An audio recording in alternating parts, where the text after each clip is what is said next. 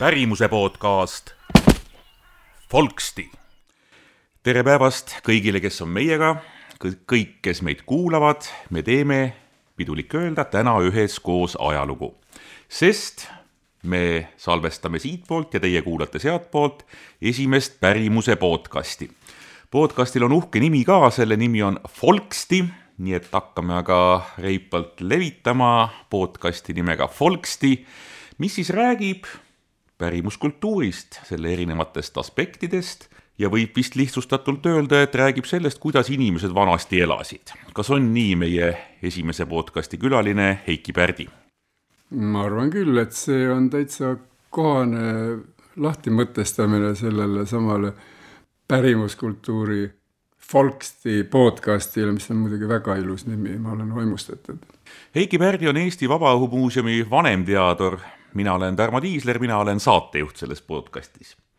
nii, nüüd kui, kus on tehtud ära kõik saate alguse kohustuslikud rituaalid, hakkame siis rääkima ja kui sa, Heiki, lubad, ma alguses räägin kaks oma sellist väikest mõttelennukest, mis mul on tulnud, ütleme, viimasel ajal pähe. üks neist tuli enne seda, kui me leppisime kokku selle salvestamise ja teine tuli siis, julgen öelda, eile. Esimene on see, et ma olen viiekümne kahe aastane ja mina reaalselt mäletan elu, kui WC oli õue peal, kui toas oli ainult külm vesi, tuli ühest kraanist niimoodi nirises ka veel, kraanikauss oli natuke roostes veel, minu vana-vanaema juures Võrus solk viidi välja õue, seal oli solgiauk ja, ja seal oli ka kaev õue peal ja see ei olnud selline suvine romantika, kus on põnev, et nagu suvel elan nagu, nagu maal, aga et see oligi reaalne elu, vesi toodi õuest ja solk viidi välja. ja siis ma mõtlesin, et, et mina elan praegu ridaelamus, piinlik öelda, mul on kodus kolm WC-d, kaks duši, mis tähendab, et see elu on kõik nii palju muutunud selle väga lühikese ajaga, sest viiskümmend aastat on väga lühike aeg. see on nüüd siis see vanem mõttekäik. teine hilisem tuli eile, ma viisin oma lapselast jalgpallitrenni ja meil ei olnud kaasas veepudelit. ja siis treener ütles, et noh, ta läheb, joob siis äh, kraanist. ma ei tea, kuidas see kõik lõpuks lahenes, aga ma hakkasin mõtlema, et kas tänapäeval lapsed oskavad kraanist juua. Heiki, aga sina tead hästi, kuidas oli kõik see sada aastat tagasi, sest me oma tänast juttu laias laastus piiritleme selle ajaga, mis oli sada aastat tagasi, ehk umbes selle ajaga, kui algas meie riik. jah, seda on mul ühest küljest kerge teha, kuna ma olen sellega tegelenud, ma olen sellest isegi kirjutanud siin-seal ja, ja on tulnud ka rääkida ja loenguid pidada, aga ma pean kahjuks kurvastusega ütlema, et saja aasta taguseid isiklikke mälestusi, nagu mul viie, sul viiekümne aasta taguseid on, mul ei ole, sest mina olen kõigest seitsekümmend aastat vana, aga kõik see, millest sina rääkisid, on mulle sama tuttav, kuna ma olen maalt pärit, aga mis puutub lastelaste joomisesse, mul on meeles, et minu lapselapsed küll oskasid kraanist juua, nad on võib-olla natuke vanemad kui sinu omad, aga ma arvan, et see oskus on lihtsalt omandatav ja see ei kao nii kiiresti ka. nii, aga mis puudutab nüüd saja aasta tagust Eestit, siis jaa, ma arvan küll, et siin on ikka väga palju muutunud. kuigi inimesed ei muutu nii väga palju siiski oma olemuselt, aga need välised olud, milles inimesed elavad, on jah, muutunud tõepoolest ja siin on asju, mis on meile väga võõrad. no ma ei teagi, millest alustada, sest teema on niivõrd lai, inimeste argielu, see puudutab meie kogu elamist no hakkame sellest pihta, et, et tänapäeval ja eriti meie ajal räägitakse hügieenist väga palju, et käsi tuleb pesta, seda räägiti ka kümme aastat tagasi, aga nüüd tuleb eriti käsi pesta. ja muudkui desinfitseeri ja desinfitseeri. et eh, kui palju üldse mingitele hügieenireeglitele sada aastat tagasi tähelepanu pöörati, kui palju sellest räägiti ja kui palju oli see selline ühiskondlik norm, et nii tuleb teha, et kas enne sööki käsi pesti? jaa, seda ma võin nüüd väita küll, et need normid kehtestati ikkagi juba varem ja need hakkasid peale koolist, eks, kooliharidusest ja aga anti välja juba enne Eesti Vabariigi algust, siis tsaari ajal selline kooliõpilastele selline nagu puhtuse käsiraamatulaadne asi, kus olid kirjas kümme käsku enam-vähem, mida laps peab tegema selleks, et ta oleks terve ja ütleme, kultuurne inimene ja kindlasti kätepesu oli seal hulgas ja seal tuli keha karastada ja tuli hambaid puhastada ja no põhimõtteliselt samad asjad, mida meilgi kooli ajal ju kõikidele pähe raiuti ja, ja mida me pidime järgima nii kodus kui koolis ja tööl kodus puhkehetkel, nagu öeldakse. nii et see oli tõesti reegel, aga see ei tähendanud seda, et kõik inimesed neist eh, siis ütleme, selle järgi käitusid, sest et eh, ütleme, selline rahvapärane traditsioon oli võib-olla natuke teistsugune ja natuke looduslikum või loomulikum teistpidi võetuna, kuna sõnatüvi on sama. nii et ega see pesemine ei olnud nii igapäevane nähtus kui meil siin sõna otseses mõttes.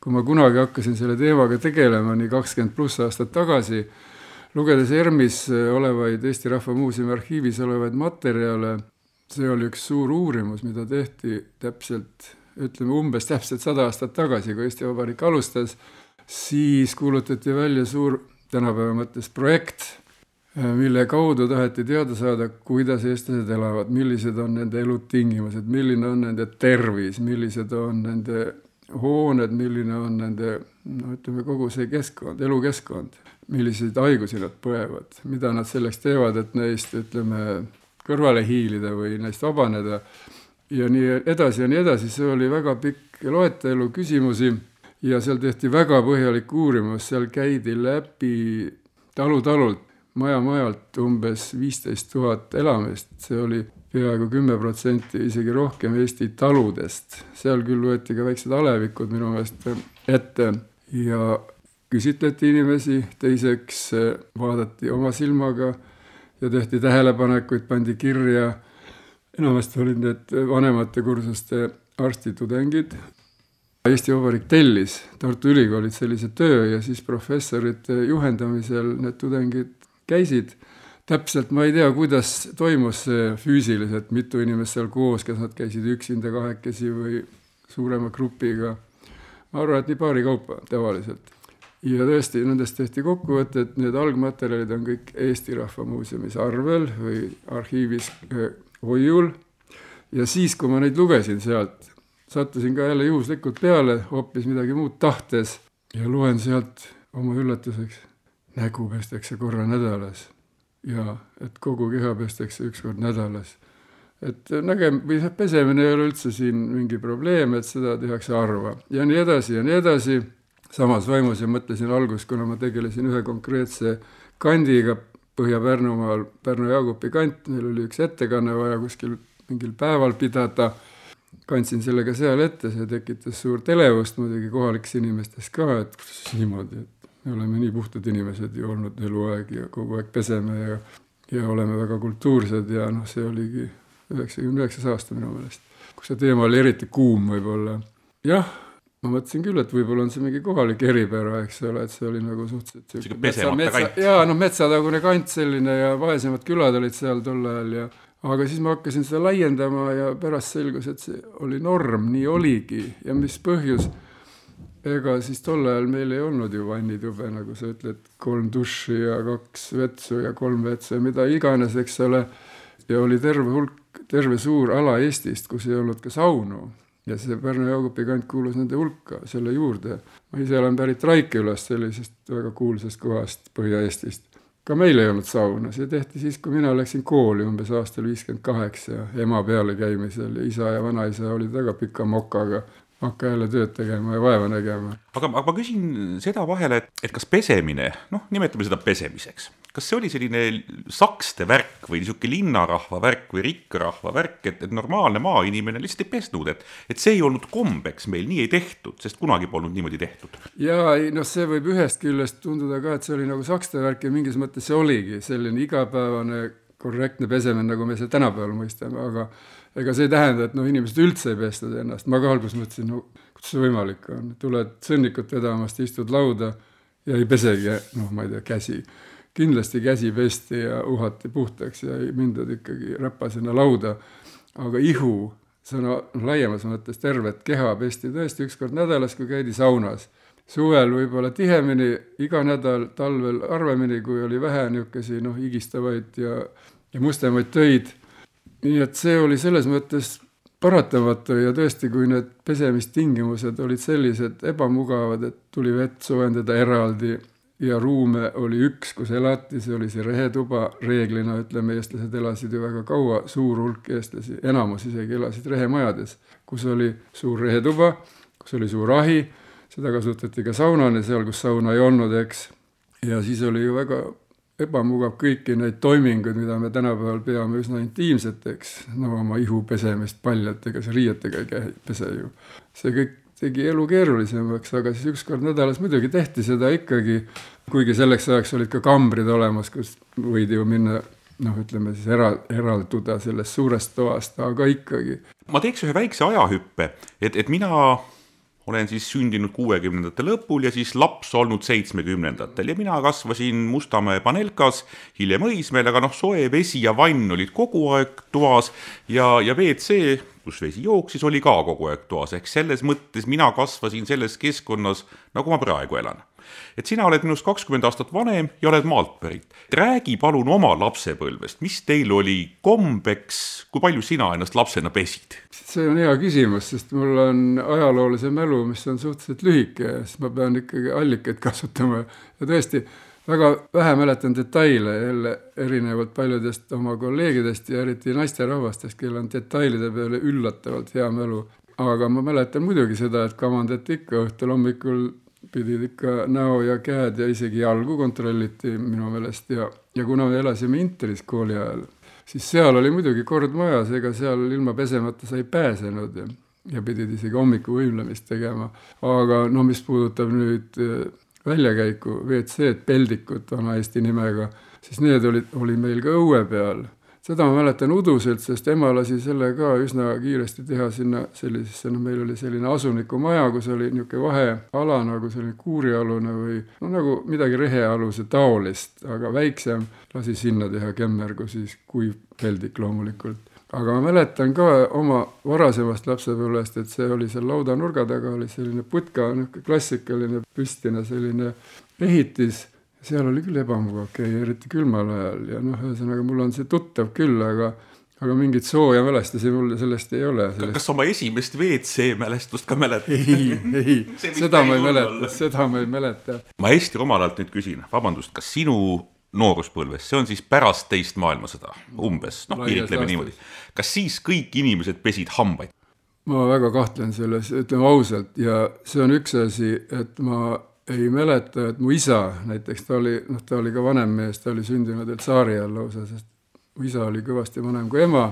Ja vanaisa, vanaema, noh, vanaisal polnudki enam hambaid suus, ma mäletan, ta oli kaheksa, tuhat kaheksasada kaheksakümmend kaheksa sündinud nagu ikka, sest need hambad lagunesid ära eestlastel siis, kui hakati rohkem suhkrut tarvitama, see oli see esimene asi, mis põhjustas hammaste lagunemist.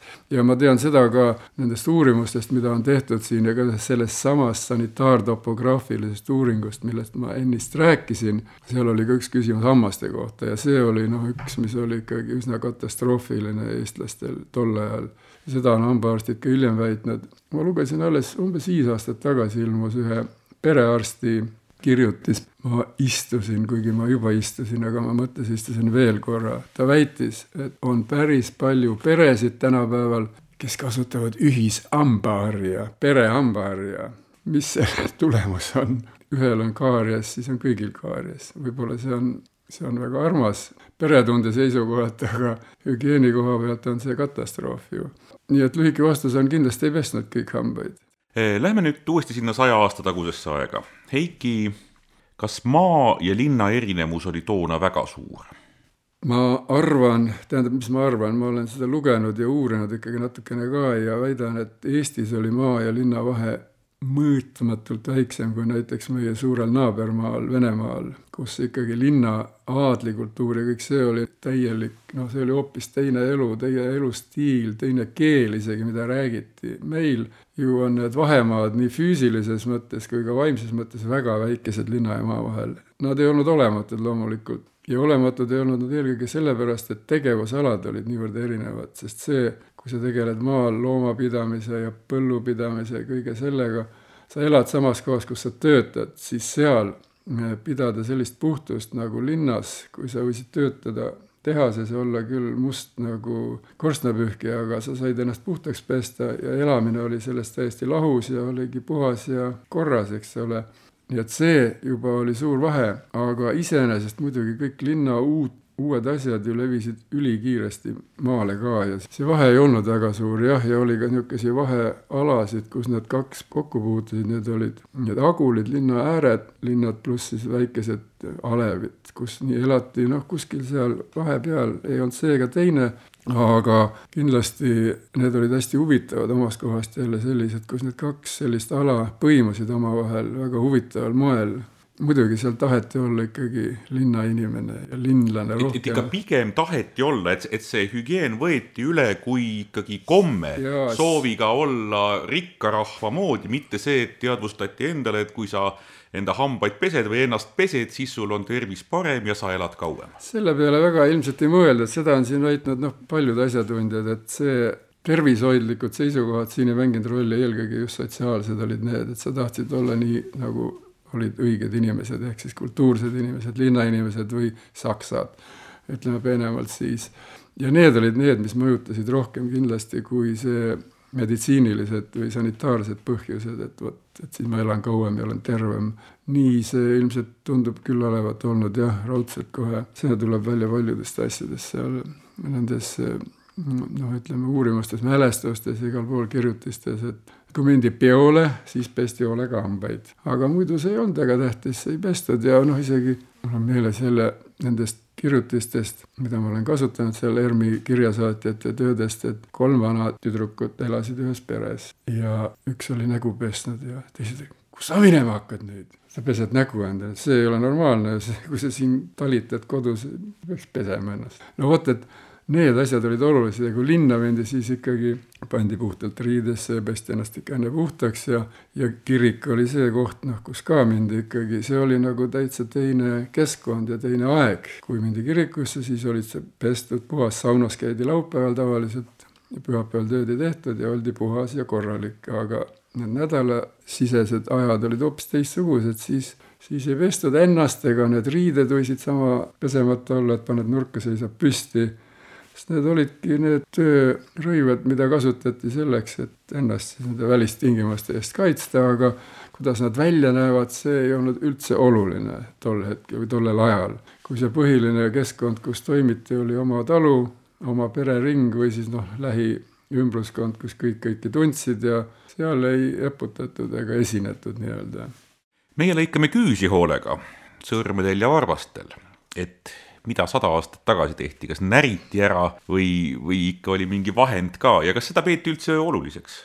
see on nüüd hea küsimus, ma ausalt öeldes ole, seda ma ei ole uurinud ja ma ei ole, mul ei ole kuskilt ka ette jäänud nüüd mingeid andmeid selle kohta, aga ei no lõigati ikka loomulikult ja näritakse ka, minagi närisin neid päris kaua, ma mäletan. aga eks lõigati noh, suurte kääridega või siis äh, noaga saab ka lõigata, aga ikka jah, eks neid ikka kärbiti ka, aga see käis ikka natuke teisiti kui meil siin praegu, eks ole, sõltuvalt juba sellest elulaadist, tegevusaladest, eks ole, sama oli juuste lõikamisega. ma mäletan isegi, mina käisin küla mingi muti juures isaga, kui ma olin väike poiss seal, et mitte juuksurisse ei läinud kuhugi Raplasse, mis oli noh, kümme kilomeetrit eemal ja koha peal loomulikult mingit juuksurit ei olnud ja siis see tädi seal lõikas selle tavalise masinaga kuidagimoodi ära ja eks see nii käis tol ajal ja mul on siin paar pilti olen ka leidnud isegi fotokogust, kus seal isa või keegi lõikab oma poisil õues juukseid niimoodi sama masinaga. niimoodi ja veel nõukogude ajal, mitte, mitte Eesti ajal kunagi. nii et need hügieenikombed olid palju lihtsamad, kodusemad ja, ja kindlasti ka juhuslikumad ja, ja noh, meeste puhul need olid eriti veel, et või naised ikka püüdsid olla ilusad ja kenad ja rohkem üles lüüa, kuigi seda ka heaks ei kiidetud muidugi, siin oli see ka, et noh, et kumb oli olulisem, kas olla nii nagu kõik või olla siis erinev, siis kindlasti maal oli see ikka kaua aega, et sa ei tohtinud väga erinev teistest olla, kui sa olid, siis sellele hea pilguga ei vaadatud, oma pereski oli niimoodi, tuleb mul jälle meelde materjale meenutades, mida ma olen uurinud, et kui kellelgi no noored inimesed, kes õppisid koolis, said haridust käisid linnas näiteks gümnaasiumis ja neil kujunes juba teistsugune see hügieeni ja üldse niisugune ihukultuur, kõik kehakultuur, kehakultuur, mitte spordi mõttes. et kui nad nõudsid seal omale näiteks isiklikku käterätikut, siis juba see ajas teised inimesed pöördesse, mis, sul ei kõlba see ühine käterätt meil siin, me kõik kasutame seda nüüd sina tahad eraldi veel. Ja veel üks asi, taskurätikud ehk ninanuuskamine, mis oli ka jälle selline saksik komme. siin öeldaksegi, et see, mille talumees maha viskab, selle saks paneb taskusse ehk tati siis mm. koos rätikuga. ja noh, see oli jälle see, mida väga heaks ei kiidetud, mida sa siin noh, mis sa ärpled või mis sa, ära ole nii saksik, ole nii nagu, nagu me oleme alati olnud, eks ole, käitunud ja olnud. nii oli paljude muude asjadega ka räägime natukene peldikukultuurist. ma hakkan sellest peale, et tänapäeval meie elu on läinud väga palju avalikumaks, üldiselt ju kõik kirjutavad lehtedes, kes kellega on ja kes kellega magab ja, ja kellega lapsed on ja, ja kogu see värk on väga avalik ja igasuguseid napispesus pilte näidata raha eest või ilma on täiesti normaalne tänapäeval. ja samas see, kuidas ma nüüd siis ilusalt ütlen, ma ei tea, kakamise kultuur on jäänud jätkuvalt kuidagi uste taha või niimoodi inimeste silmade eest varjule. ja minu küsimus sulle on nüüd, et kas sada aastat tagasi oli ta juba varjul või see juba varjul või on ta kogu aeg varjul olnud või kui avalik toiming see on olnud? see on olnud eri aegadel, eri paikades erinev, aga kindlasti ei ole olnud ta kunagi nii intiimne, kui ta on meie avalikustamise ajal praegu. ütleme niimoodi, see on niisugune paradoksaalne asi, aga see on muutunud jah, aja jooksul üha intiimsemaks, üha ütleme salajasemaks siis võiks ütelda.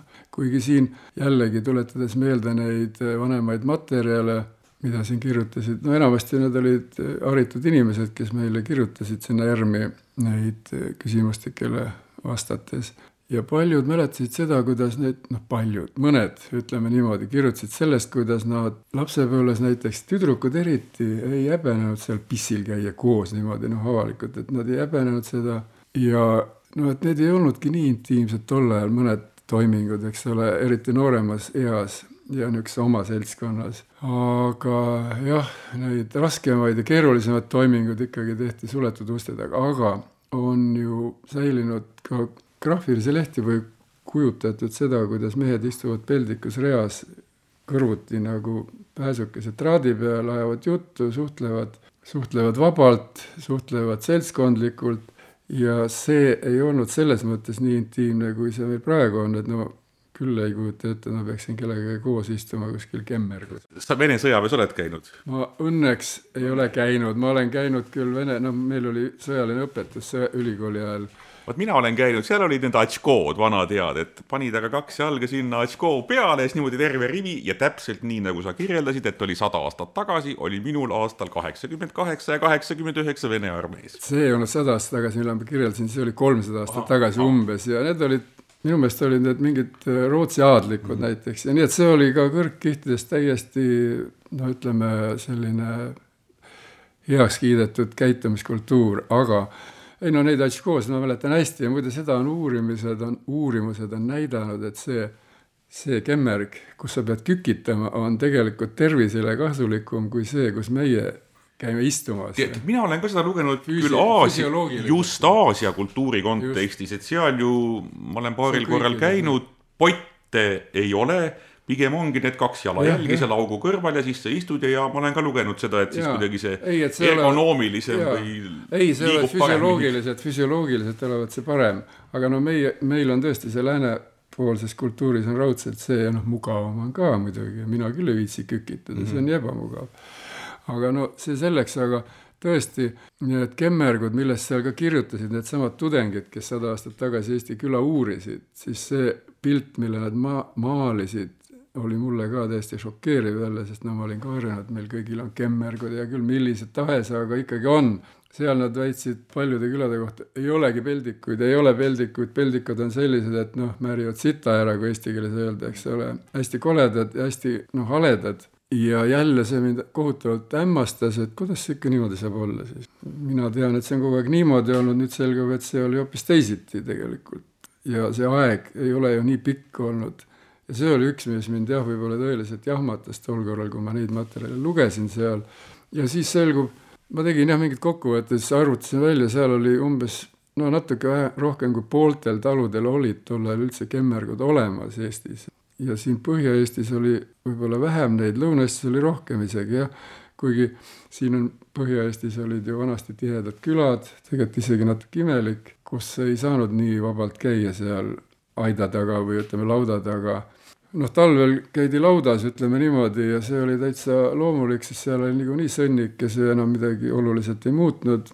Ja seal oli ka soojem isegi kui selles külmas kemmergus aga suve ajal muidugi käidi jah, siis aiamaal tõesti seal.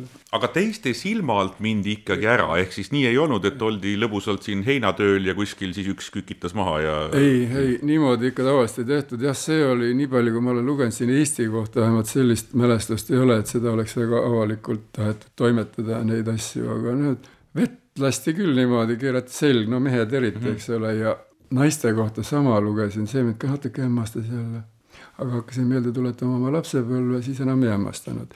seal üks naine või isegi mitu kirjutasid, kuidas vanas, vanad naised pissisid siis nii-öelda viisakalt öeldes. kuna mm, aluspükse ei kantud, äh, siis oli väga lihtne, tõmmati seelik natuke ihust eemale ja šš, lasti tulla rahulikult. kükitamata. ja seis püstis jah mm, -hmm. kui muidugi. ja ma mäletan isegi seda oma lapsepõlvest, siis kui ma olin lugenud neid materjale et mu enda vanaema tegi aiamaal täpselt samamoodi. siis mul tuli lihtsalt meelde, no väga pika aja tagant see asi, et midagi nagu ma olen ise näinud sellist, et see oli täitsa tavaline, see oli aktsepteeritud, see ei olnud midagi roppu ega koledat, vaid mis seal siis on. vanaema käis tüdrukute laadal kuskil ja siis tüdrukul jäi meelde, vanaema ajas seal teiste naistega juttu, järsku vaatab, et vanaema seeliku alt voolab väike nire välja niimoodi. no siis ta muidugi ei saanud ka sellest aru, aga pärast vanema inimesena juba sai aru küll, mis see oli, eks ole. nii et see ei olnud midagi sellist, noh, mida ei, mis ei sobi teha.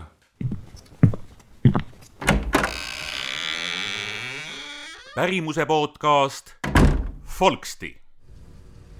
Vingilka teised naised kusevad püsti, minu aga naine kükkakil. ei tema riku oma pissimise riista, laseb aga niimis kõlinal. rohkem ei tea. rohkem ei tea jah noh, oli seda aga tänapäeval on see vahva väljend juba mõnda aega on, et mehed vasakule, naised paremale või siis vastupidi, kui bussiga sõidetakse, tehakse väikse metsapeatus.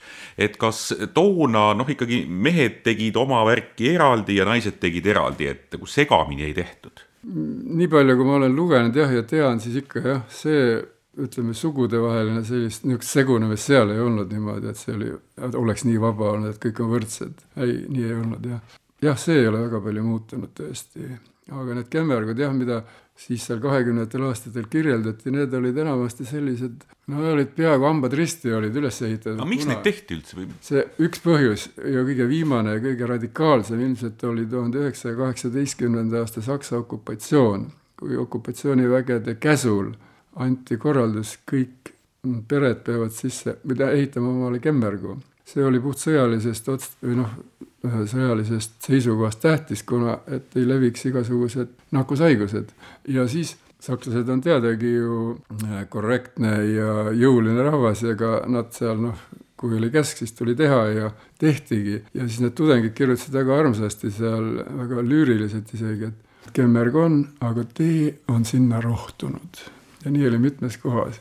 nii et noh neid tehti, aga neid ei, neid ei peetud nii ülivajalikuks, et noh, käsk tuli, tuli teha, leiti igast ettekäändeid mitte teha, aga no ega ei pääsenud sakslaste eest ikkagi, nad olid ikkagi niisugused äh, järjekindlad ja, ja distsiplineeritud ja korralikud. ja mäletan veel ühte juhtumit jälle, kus üks proua kirjeldas oma ema, isa, vabandust, siin Tallinnas elades ehitasid uuele maja, korraliku maja, maja sees oli kemmerg peremees, isa, ei läinud kordagi sinna kemmergusse, tema käis kükitas oma aias, aiamaal sinna nende peenarde ja, ja põõsaste puude juurde kuhugi lasi oma hunniku ja noh, head kraami ei saa raisku lasta minna ju. Ja tema õrn süda seda hirmsat haisu, mis seal kemmergas on, ei kannata ja ühesõnaga ta ei tahtnud seda, ta oli harjunud teistmoodi, vot see oligi see talupoja kultuuri niisugune kaja siis, mis tema seal elas, eks ole. tähendab, tuleb tunnistada, et see on päris zen-tunne ikkagi minna põllu peale pissile, sest mul on ka maamaja niisugune ja põld on ümber.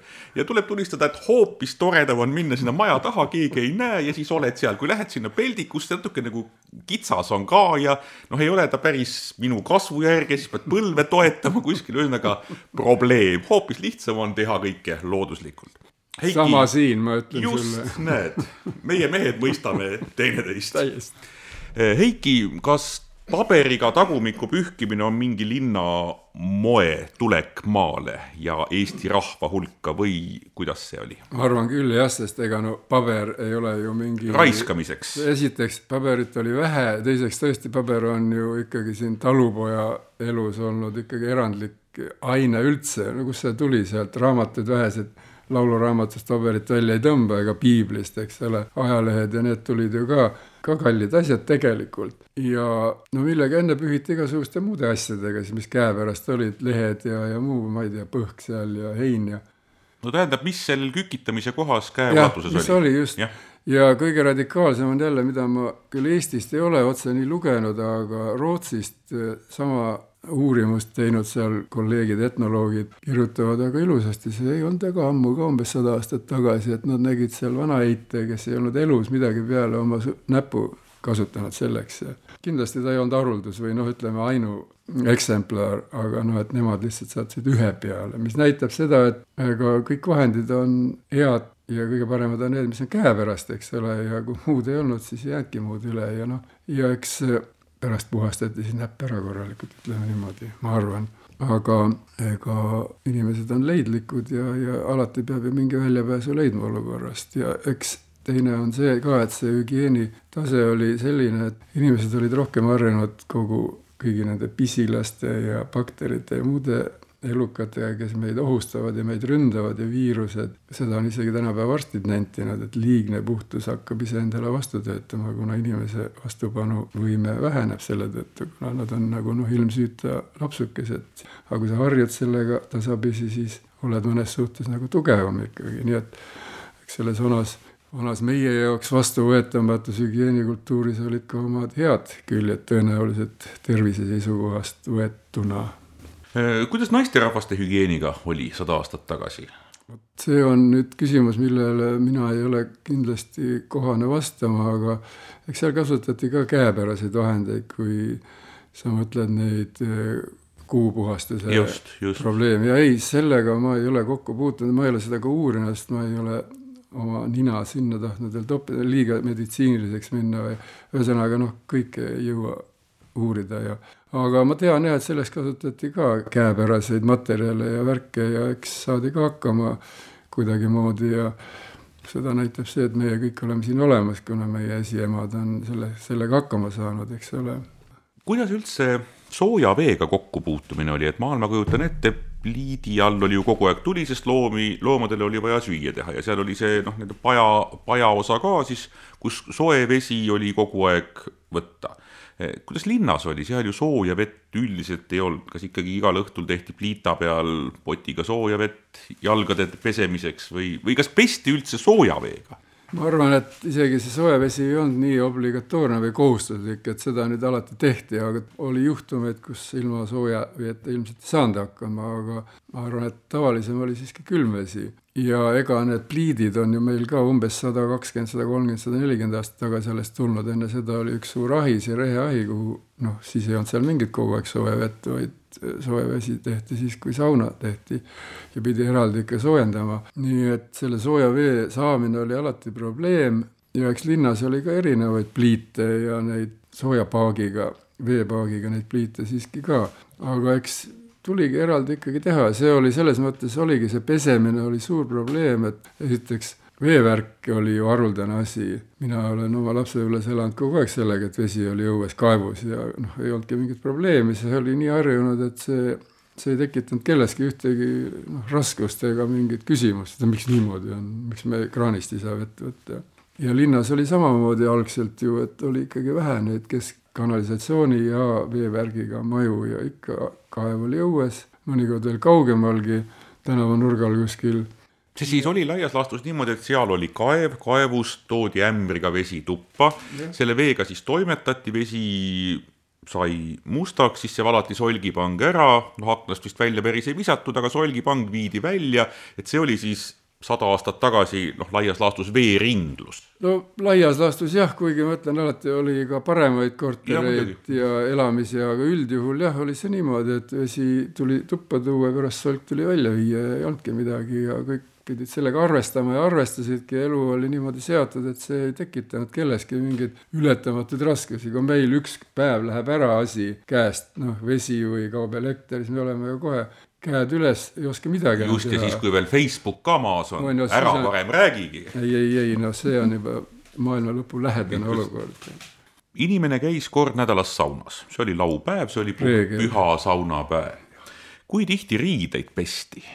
Riided pesti ka umbes niimoodi, see sõltus jälle sellest, milliseid töid tehti, milline aastaaeg oli, kas seda, noh, ma ütlen, kui sa tegid higistavaid töid seal suvel, et seal heinatööd ja viljalõikus ja kõik niisugused ja rehepeks ja need olid üsna mustad ja higistama ajavad tööd, aga ka enam-vähem sama, ütleme sellise ajalõtkuga tehti nädalas või paari nädala tagant võeti ette see see oli ka jube suur ja raske töö perenaisele. samamoodi vesi tuli soojendada, seda mäletavad isegi nooremad inimesed veel, et pesu leotati ja kuskilt ma just lugesin, et pesu keedeti ja siis tänapäeva lapsed ei saa üldse, mis mõttes, miks teda keetma pidi. keetma pidi selleks, et pesu saaks puhtaks ja see oli tohutu suur ettevõtmine kõike seda käsitsi teha ja pärast seal kuivatada veel ja triikida ja jumal, see oli no, see oli ikkagi ettevõtmine suure algustähega. praegu vahetades riideid, tuleb tunnistada, et panna puhas särk selga on päris meeldiv tunne. ja, ja samas, kui lugeda raamatuid sellest saja aasta tagusest ajast, siis see noh, nii-öelda puhas särk oli täitsa ikkagi sümbol. see, see oli sündmus, et selga pandi puhas särk. sellega ma olen täitsa nõus, sest et tõesti puhas särki mulle ka meeldib selga panna, hoopis teine tunne on tihtipeale, kuigi alati ei viitsi, võtad, paned selle sama. aga kuidagi uus algus on. jaa nii, aga tol ajal tõesti oli see ju juba sellest, millest ma enne rääkisin, see pesemine ise, protsess oli nii keeruline, pikk ja, ja kurnav naisele, emale või vanaemale, kellele tahes. iga päev sa seda endale ei lubanud ja ma mõtlen, kui töö tehti taludes, siis tõesti see töörõivas oli nädal aega oli üks ja sama no võib-olla ka pikemalt natuke, kuidas keegi, aga ma mäletan oma vanaisa ja isa ka, nemad küll seal kolhoosi ajal ei, kindlasti ei vahetanud iga päev riideid, see oli täiesti selge. aga varem oli see veelgi niimoodi, et see oligi üks, üks rõivas tükk aega, nädal näiteks, kui siis ära pesti panid selga ja jah, ma ütlen, pühapäev oli see päev, kus tõesti panid puhtad riided või mõni tähtpäev, muu sündmus oli sul peres või nii, siis pandi puhtad riided selga ja hoopis teine tunne oli. ja ma ütlen, olles ise maalt pärit, ma mäletan ka, kui me tegime seal põllu või noh, heinatööd või mida iganes ja siis, kui panid ikka puhtad riided selga, olid ära pesnud, see oli tõesti täiesti teine tunne. elule andis teise jume ma pean tunnistama, et ma ausalt öeldes ei tea, noh, eks ole, paljud asjad tehti oma kodus, aga kas iga pere keetis oma seebi ise?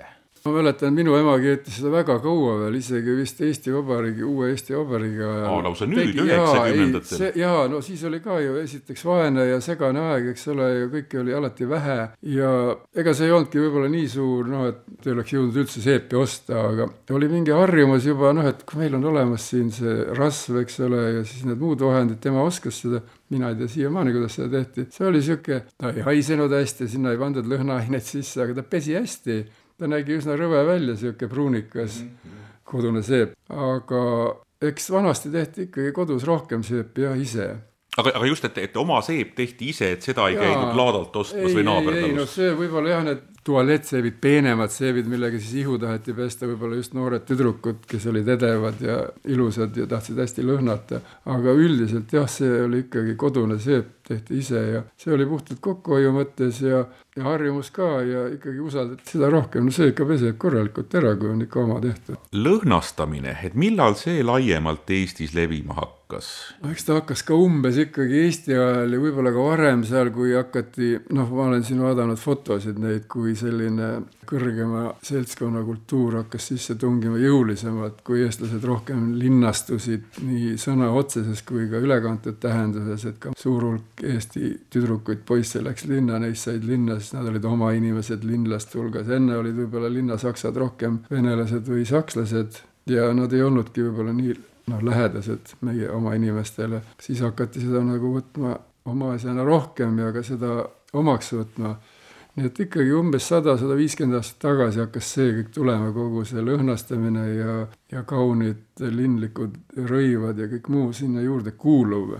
et see ei ole olnud ka ajast aega niimoodi no omane siin Eesti talurahvale ja kust nad neid lõhnaaineid nii väga pidid võtmagi talus aga üldistades siis äh, sada aastat tagasi, noh, umbes sada aastat ja. tagasi, kõik see, millest me oleme rääkinud, oli pigem ikkagi noh, nagu kuuluvuse teema, mitte meditsiini teema. et teised tegid ja ma tegin ka. mitte arvan..., et ma ei teadvustanud, et siis pisikud ja bakterid paljunevad kehvemini ja ma elan tervemat elu ja nii palju, kui ma olen aru saanud ja lugenud siin ja mõelnud selle peale, siis tõenäoliselt ikkagi rohkem oli ta jah, nagu sotsiaalne selline pool oli selle juures olulisem kui see meditsiiniline, sest et muidugi lastele seletati koolis jah, et siis sa oled tervem ja ilusam ja puhtam, noh, ilus oli juba teine kategooria, aga et sa oled tervem, elad kauem, aga kas laps mõtleb selle peale, et ta elab kauem, siis see ei ole talle oluline, sest elu on lõputu tema jaoks. aga eks seda püüti aegapidi ja eks see ikka natuke hakkas juba nagu muutuma ka selliseks teadmuseks sellest, et see, kui ma ennast ikka puhastan ja hügieeni eest hoolitsen, et siis mul on, elu on parem, elukvaliteet. aga rohkem ilmselt oli ta seda teist, et olla nii, nagu on minust paremad inimesed, kuidas nad välja näevad, kuidas nad käituvad, kuidas nad on, et see oli siiski olulisem kui see teine probleem, mille peale ka minu meelest tänapäeval mõeldakse siiski vähem ikka tähtsam on see, et me oleksime nii nagu Ameerikas või läänes. tänapäeval ju igas valdkonnas või paljudes valdkondades tuuakse välja selliseid vapiloomi arvamusliidreid, kes siis teleekraanil ütlevad, et no näiteks mina kannan kiivrit, kui ma sõidan jalgrattaga ja, ja mina käin meestearsti juures regulaarselt ja mina käin rinnavähi sõeluuringul ja noh, et siis inimesed teavad, et ahaa, tuntud inimene teeb niimoodi, ma teen ka kahe sõja vahel tuli, eks ole, meil siis kodu kaunistamise suur vaimustus ja siis oli patriootlikkuse vaimustus ja niimoodi. aga kas meie teemast, millest me räägime, ehk siis inimese olme, inimese hügieen, kas see ka kuidagi avalikus ruumis oli suurema jutu all, et ütles keegi Eduard Vilde, et pese hambaid, sest mina pesen ka? Kui päris aus olla, ma ei ole kuskilt midagi taolist eh, kohanud ega lugenud, aga ma mäletan seda, et seal kolmekümnendate aasta lõpus ava, avaldati küll ka väga kriitilisi artikleid just Eesti, no seal oli, konkreetselt oli seal juttu vist Tallinna korteritest enne sõda vahetult üsna, väga kriitiline ja seal, mis seal välja toodi, oli see, ma imestasin jälle silmad pahupidi, kui paljudes Tallinna korterites elasid meie väiksed kaaslased, lutikad, satikad, putukad, igasugused, kui palju neid oli tegelikult nendes elamistes ja kui vähe oli tegelikult saunu, avalikke saunu Eestis. Seal oli umbes nii, et vist neli-viis protsenti inimesi sai minna sauna, kuna saunade hulk oli nii pisike. ja kui vähe oli ka neid vannitube näiteks, kümnel protsendil vist Tallinna korterites sellel ajal ja no teistest linnadest ei tasu rääkidagi, seal oli palju-palju väiksem, see mõnes kohas olematu ma ei mäleta jah, et oleks niimoodi kuskil keegi esitlenud ennast või oma käitumist või oma teadmisi sellest, et kuidas on õige olla nüüd just hügieeni mõttes. Ei tule küll ette ausalt öeldes. nii et järelikult see, see teema ei olnud nii kuum ja samas see terves kehas terve vaim, see justkui oli, et no tee sporti, maadle, võimlemine tuli natuke hiljem, küll seal kolmekümnendatel vist, aga et, et see oli jällegi noh, nagu teema, millest räägiti just nimelt tervise mõttes. jah, no vot, ma ei teagi jah, kas see oli tervise mõttes nii oluline, aga kindlasti oli see jälle niisugune sotsiaalselt aktsepteeritud viis vaba aega veeta, sest vaba aja veetmine tuli ju ka alles. Talurahva jaoks vaba aega Polnudki ei ole, pole olemas, ainult pühad ja siis pühapäevad olid need, kus sa ei pidanud midagi tegema, välja arvatud loomade eest hoolitsema. Aga noh, tänapäeval räägitakse ka hästi palju vaimsest tervisest, et uni on vajalik ja ära tee nüüd lõpmatult palju tööd, sest kõike niikuinii ei jõua ära teha ja, ja kui on probleemne, küsi abi sõbralt, aga veel parem, küsi abi asjatundjalt, ehk siis kõik see, mis on kahe kõrva vahel. oli see üldse jututeema või sada aastat tagasi nõrkuse näitamine, mida see ju on, ei olnud üldse teema? ma arvan, et siis ei olnud ka sellist äh, võib-olla sellist ideoloogiat, mis, et kogu aeg kõike rohkem, kõike paremini, kõike ja põhiline see, et rohkem, et no näiteks taluinimesed elasid ikkagi aastasadu enam-vähem ühes rütmis loodusega ja ega seal ei aetudki taga neid suuri rikkusi, tehti seda, mida oli võimalik ja seda, mida oli hädatarvilik teha, et ära elada lihtsalt. see on ju kõik meie suurepärase kapitalismuse selline ideoloogia, et rohkem, kiiremini, kaugemale, kõrgemale, nagu ütleb spordiloosung, aga ei sellist asja, ma arvan, et ei tapetudki ennast tööga niimoodi, nagu praegu. talurahvast see raudselt ei puudutanud sest et nende töö oli hoopis teistele alustele rajatud ja, ja korraldatud ja välja kujunenud tavad ja traditsioonid juba, seal hakati lapsepõlvest peale ju, laps hakkas kohe sukeldus töösse sõna otseses mõttes ja ega töö ei olnud tema jaoks mingisugune tapmine ega tagaajamine, vaid see oli loomulik osa elust, selleks, et elada ja kui sa ei tööta, siis ega ei ela, sest et ise sa endale elatist tootsid nii-öelda talus siis maa ja loomade abiga, eks ole ma arvan, et sada aastat tagasi ei osanud keegi ette kujutada, et kuidas on praegu. see ei olnud Kindlasti. võimalik, et mis vesi toas, no see, seda võis veel ette kujutada, aga et vesi on igas toas praktiliselt ja, ja, ja, ja kõik see teema. nii, ja me ei saa kindlasti kontrollida, mis on saja aasta pärast. Aga me võiksime ju spekuleerida, et mis sa arvad, mis juhtub no viiekümne aasta pärast, et kas veel midagi muutub või me oleme kuidagi arengu lõpus ja, ja, ja noh, nii, nii ongi, mida on ju teisalt raske uskuda, et niimoodi ainult jääbki. ei, ma arvan, et nii ei jää kindlasti, aga et mis siin viiekümne aasta pärast väga muutub, väga raske on öelda tõesti, sellepärast et siin on ju tulnud viimaste, viimase paarikümnegi aasta jooksul on tulnud selliseid asju nagu seesama internet ja kõik need mobiiltelefonid, mida me igapäevaselt kasutame kes vähem, kes rohkem. mis on muutnud väga palju meid ja me ei saa sellest isegi aru, et see niimoodi on. nii ongi, aga kindlasti tuleb jällegi mingeid uusi asju, mida me praegu ette ei kujuta, aga ma arvan, et põhiasjad jäävad ikka samaks, seepärast et inimene ise tegelikult ju ei muutu, ei ole muutunud tuhandete aastate jooksul väga palju. muutub küll mingi pealispind meist, aga põhiolemus jääb ikka minu meelest samaks. ma võin spekuleerida selles mõttes, et lasen, lasen lennata, et, et ma arvan, et kõik meie tegevus läheb järjest rohkem avalikumaks mis tähendab, et äh, see see ongi norm, et me teame kõigist kõike. ma ei ütle, et tulevad täpselt ühed WC-d ja ühed ühiskondlikud saunad kõigile, aga ma arvan, et me liigume millegipärast sinnapoole. ma ei usu, et meil tuleb polügaamia, ma, ma millegipärast ei usu, sest see omaniku instinkt ikkagi jääb. aga noh, kui ma peaks midagi pakkuma, siis ma arvan, et selline avalikkus laieneb ja meie privaatsus väheneb, kui nüüd kokku võtta jah, selles suhtes sul võib isegi õigus olla, kuigi kas see meile meeldib või ei meeldi. ja me läheme kaasa. jaa, aga. ja me seda õnneks ei näe. meie seda ei näe tõenäoliselt jah, aga ma arvan, et sellel on siiski ka teatud piirid, sellepärast et noh, kõigele vaatamata jääb iga inimene omaette ühikuks, nii võib öelda, ja see ei saa päriselt niisugust kokkusulamist ja sulandumist ikka olla ei saa ja, ja mingid piirid ma siiski sinust vanema inimesena arvan, et jäävad alles ja loodan ka, sest et tegelikult see, liigne avalikkus ei mõju ilmselt ka ühiskonnale liiga hästi, mulle tundub niimoodi praegu juba. vot vana inimene kõneles. sa võid mulle vastu vaielda, aga ma arvan, et sellele on raske vastu vaielda, et tegelikult ju me ei näe seda, et oleks midagi läinud paremaks sellest, et siin küll tehti suuri illusioone sellesama interneti ja kõikide nende suhtes, et see muudab meie elu ilusamaks, paremaks ja kaunimaks, aga tegelikult on sealt välja tulnud asju, mida võib-olla parem, kui poleks tulnud. jah, mul oli enne internetti ka päris tore elu, tuleb no, tunnistada. minul ka no just, ma tänan sind, Heiki Pärdi, et said vestelda tund aega, et sinuga oli vahva vestelda ja loodetavasti nendel, kes kuulasid, oli tore kuulata. see oli meie esimene pärimuse podcast, millel uhke nime Folksti. minu nimi on Tarmo Tiisler ja kui läheb hästi ja meil on sellel podcastil mõned kuulajad, siis me teeme teise veel. aitäh selleks korraks, olge tublid.